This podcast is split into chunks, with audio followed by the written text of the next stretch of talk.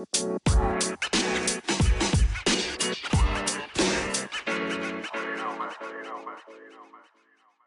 lieve mensen, welkom bij de Back to Blue podcast.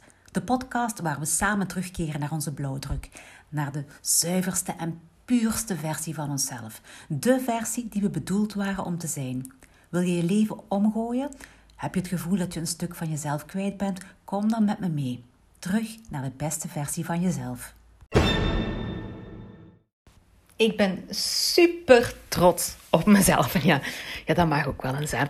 Omdat ik deze laatste weken nog eens helemaal alleen een challenge op mijn schouders heb genomen. En dat is best wel veel werk.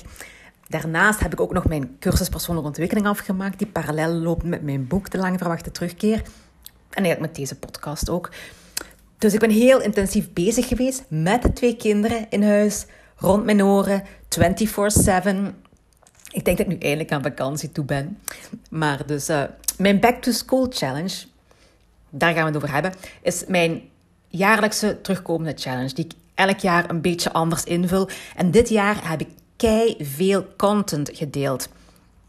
Echt de meest belangrijke dingen over een gezonde levensstijl en afslanken en voedingen. De informatie die je nodig hebt om bewust goede keuzes te, te kunnen maken. Zowel qua voeding als voor sport, als voor je dagdagelijkse leven. ik moet er even dus van zuchten, want ik ben helemaal excited. En dan vlak daarna kom ik weer met mijn voetjes op de grond omdat ik weet dat al die info en hoe goed en hoe waarheidsgetrouw die ook is, die zal ongeveer geen enkel effect gaan hebben op de levensstijl van mijn deelnemers. Mm. Ja, dat was even slikken. Hè?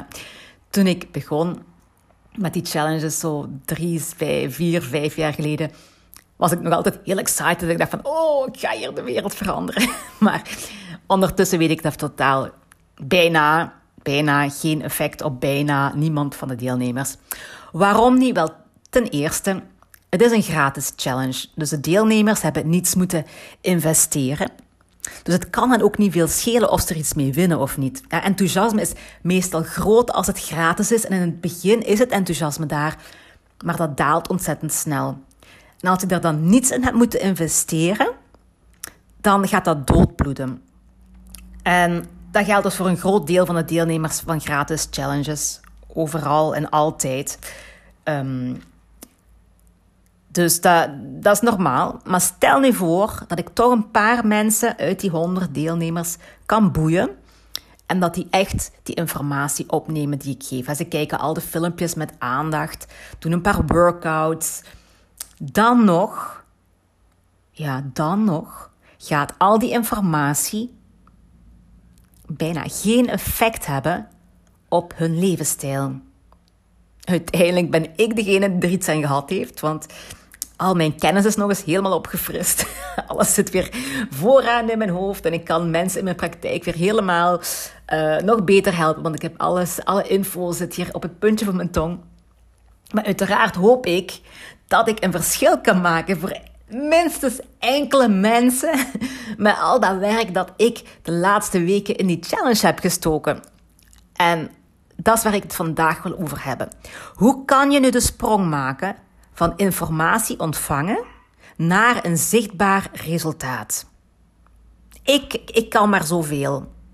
Al mijn inspanningen zijn alleen maar van nut geweest als de deelnemers iets gaan doen met die info. Ik kan het alleen maar geven. En of je het aanpakt of, of wat je ermee doet, dat is volledig in de handen van de deelnemer. Stel nu, jij neemt deel aan zo'n challenge en je krijgt bakken informatie over je heen en je bent super enthousiast, want jij wilt heel graag je doel bereiken en al de informatie die je moet hebben zit daar in die challenge. Hè? En om het duidelijk te houden, gaan we even toepassen op, op de challenge van gezonde levensstijl. Of, um, of uh, nee, laten we zeggen, je wil 5 kilogram afslanken. Dat is even concreet het voorbeeld waar ik het nu over ga hebben. Je wil 5 kilogram afslanken. Je doet mee aan die gratis challenge. Je krijgt die informatie. Je weet wat je moet gaan doen. En dan. Nu, het is niet omdat je in de challenge zit, dat je de informatie, en dat je de informatie opneemt, dat je ook die 5 kilogram gaat afslanken. Tussen de informatie en het resultaat zit ene hele belangrijke stap. namelijk de stap van actie ondernemen. Als je niets gaat doen, ga je die 5 kilogram niet afslanken. Die informatie hebben, dat is geen toverpilletje dat ineens maakt dat je hersenen je lichaam laten afslanken. Ja? Maar dit is het grote struikelblok waar mensen meestal niet, niet echt bewust bij stilstaan als ze starten met een gratis challenge. Ze denken dat het vanzelf gaat gaan, want ze zitten in de challenge, ze hebben een doel en ze denken dan dat het automatisch gaat gaan. Alsof de info en het feit dat ze deelnemen een motor in hun gat is, wat, waardoor ze alles gaan doen wat ze moeten doen. Maar dat is niet zo. Hè? Weten en doen, dat is niet hetzelfde. Nu wil je zeker zijn dat je die grote stap naar actie neemt. Dan heb je, spijtig genoeg, nog een heel deel kleine stapjes te overbruggen. Want voor je iets gaat doen, moet je jezelf in beweging krijgen. En wij zijn mensen, wij werken op onze emoties. Om iets te ondernemen hebben wij een gevoel nodig en dat gevoel gaat ons tot actie drijven. En waar komt dat gevoel nu vandaan? Dat komt van een gedachte. Een, een voorbeeldje om dit duidelijk te maken. De info die je krijgt op jouw challenge is: je moet 2 liter water per dag drinken om 5 kilogram af te kunnen vallen. We houden het uiteraard heel simpel. Hè? Denk niet dat dat het enige is wat je moet doen om 5 kilo af te, af te vallen. Het is maar een voorbeeldje. Nu, je krijgt die informatie en vooraleer je van die info een actie gaat maken, ga jij iets voelen. Die boodschap komt binnen en hup, je hebt een gevoel. Het voelen is altijd het allereerste wat je ondervindt. Dus ga eens bij jezelf na bij dit statement. Je moet 2 liter water per dag drinken. Wat voel je daarbij? Heb je een upbeat gevoel of een downhill gevoel, noem ik het? Ofwel ga je mee omhoog, ofwel ga je naar beneden. Ofwel heb je een gevoel van yes, excitement. Ofwel zeg je van no, no, no, no, no, no, no, no. Die no is bij mij ook dikwijls een, een zwaarder gevoel op de borstkas of, of ja, in mijn buik. En misschien kan je daar niet eens direct een gedachte bij die yes of die no zetten. Je voelt die yes of die no. Die yes of die no zit er, maar je weet niet goed welke gedachte daarachter zit. Die gedachte, bewust of onbewust, die bij je opkomt, kan bijvoorbeeld zijn... Ah, easy, dat doe ik meteen. Twee liter water drinken, dat is geen probleem. Dat kan niet zijn wat je dadelijk denkt. Aan de andere kant kan je ook denken, zeg, gewoon een zever is dat. Of je denkt, nee, dat is niks voor mij. Dat kan ik niet. Of je kan iets denken van, tja, zou wat ik moet doen? Alhoewel, ik kan, ik kan daar misschien toch wel um, aan beginnen, ja. Dus je kunt er verschillende gedachten hebben die tot je gevoel leiden. Tot een yes-gevoel of een no-gevoel. Afhankelijk van je gedachten krijg je een gevoel en dat gevoel leidt jou tot actie ondernemen. Nu persoonlijk, bij mij, als ze dat vroeger tegen mij zeiden van je moet twee liter water drinken, dan, dan zakt de moed mij al echt in mijn schoenen. ik lustte absoluut geen water. Ik dronk vroeger enkel Coca-Cola. The original Coca-Cola. Met de suiker dus. En water drinken was echt niet, niks voor mij. Dat leek een onmogelijke opdracht. Dus dat klinkt nu heel belachelijk als ik dat nu tegen mezelf zeg. Maar dat was toen echt mijn waarheid. Ik weet dat nog, dat, was toen, als ik, vroeger, ik dronk thuis alleen maar cola. En als ik dan ergens ging spelen of ergens ging blijven slapen en ik moest daar dan water drinken, dat was het eerste al dat ik dacht van, oh nee, ik ga er niet slapen, want dan moet ik water drinken. nee, nee dat, dat, was echt niet iets wat ik kon doen. Dus. En ja, als je niets gaat doen, komt er geen zonder die actie komt er geen resultaat. Ja? Maar er zijn ook dingen die je kan doen je kan bijvoorbeeld die gedachten gaan veranderen. Inderdaad, je hebt initieel een gedachte, maar er is nog een stap tussen informatie en gedachte. En dat is een stap die de cliënt, of in, of dit geval de deelnemer van de challenge, dus zelf onder controle heeft. Je hebt geen controle over je initiële gedachten. Je hebt geen controle over het gevoel dat je daar automatisch bij krijgt. Maar het zou een beetje flauw zijn als je heel je leven zou leven naar dat automatische gevoel. Waardoor je wel of geen actie onderneemt. Dan heb je, dan heb je absoluut geen daadkracht in je leven. Dan heb je geen controle. En dan ga je ook niet veel bereiken in je leven. En onze hersenen gaan ons altijd weerhouden van iets te doen wat kan mislukken. Dat willen onze hersenen niet, want die willen ons beschermen tegen gevaar. De hoofdgedachte binnen je hersenen is: op dit moment leeft je nog, dus blijf doen wat je, moet doen, wat je, wat je al doet. Verander niets en je zal blijven leven. Dat is wat uw hersenen denken. Dat houdt u veilig. Dat houdt u veilig in uw grot. Als je een oermens zou zijn, je gaat niet zomaar buiten.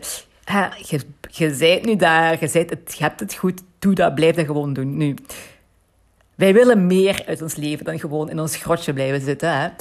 Weet je nog, wij willen die 5 kilogram afslanken. Nu, als je dus die initiële automatische gedachten zou kunnen veranderen, dan, dan, dan kan niks je nog tegenhouden, want je wilt die 5 kilogram afslanken.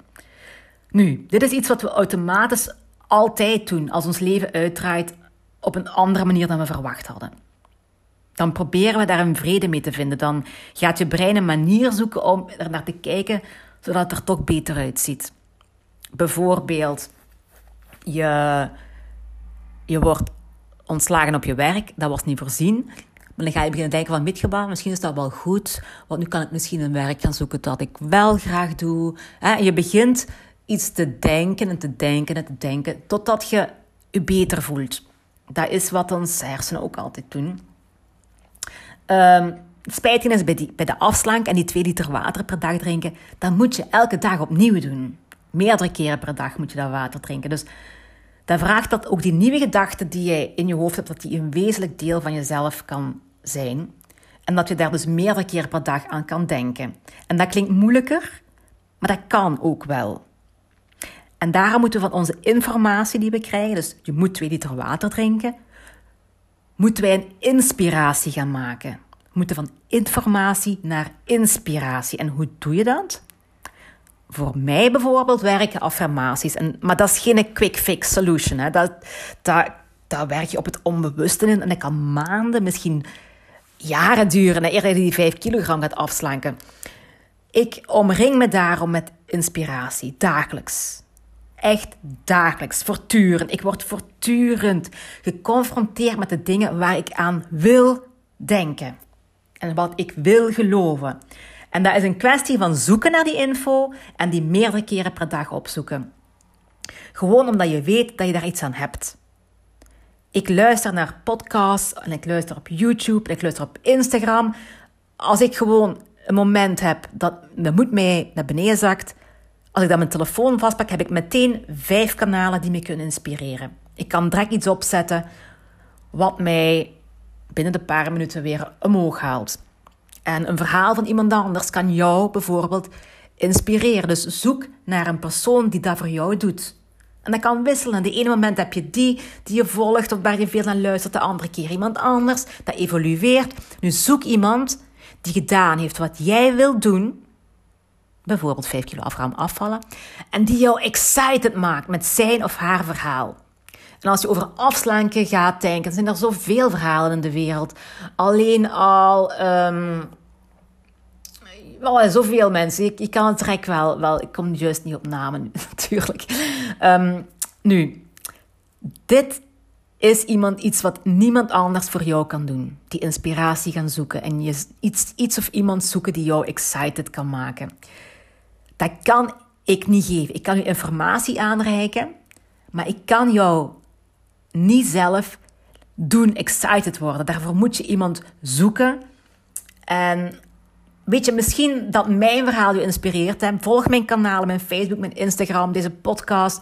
En dan daarmee alleen al, door één iemand te volgen die daarmee bezig is, die dat gedaan heeft, die 10 kilo is afgeslankt, die al zes jaar zich goed voelt en daar vuil op, op 45 jaar met twee kinderen als dat u inspireert, volg dat dan allemaal. En uiteraard zijn er veel interessantere mensen om te volgen. Hè? Het is maar een voorbeeldje.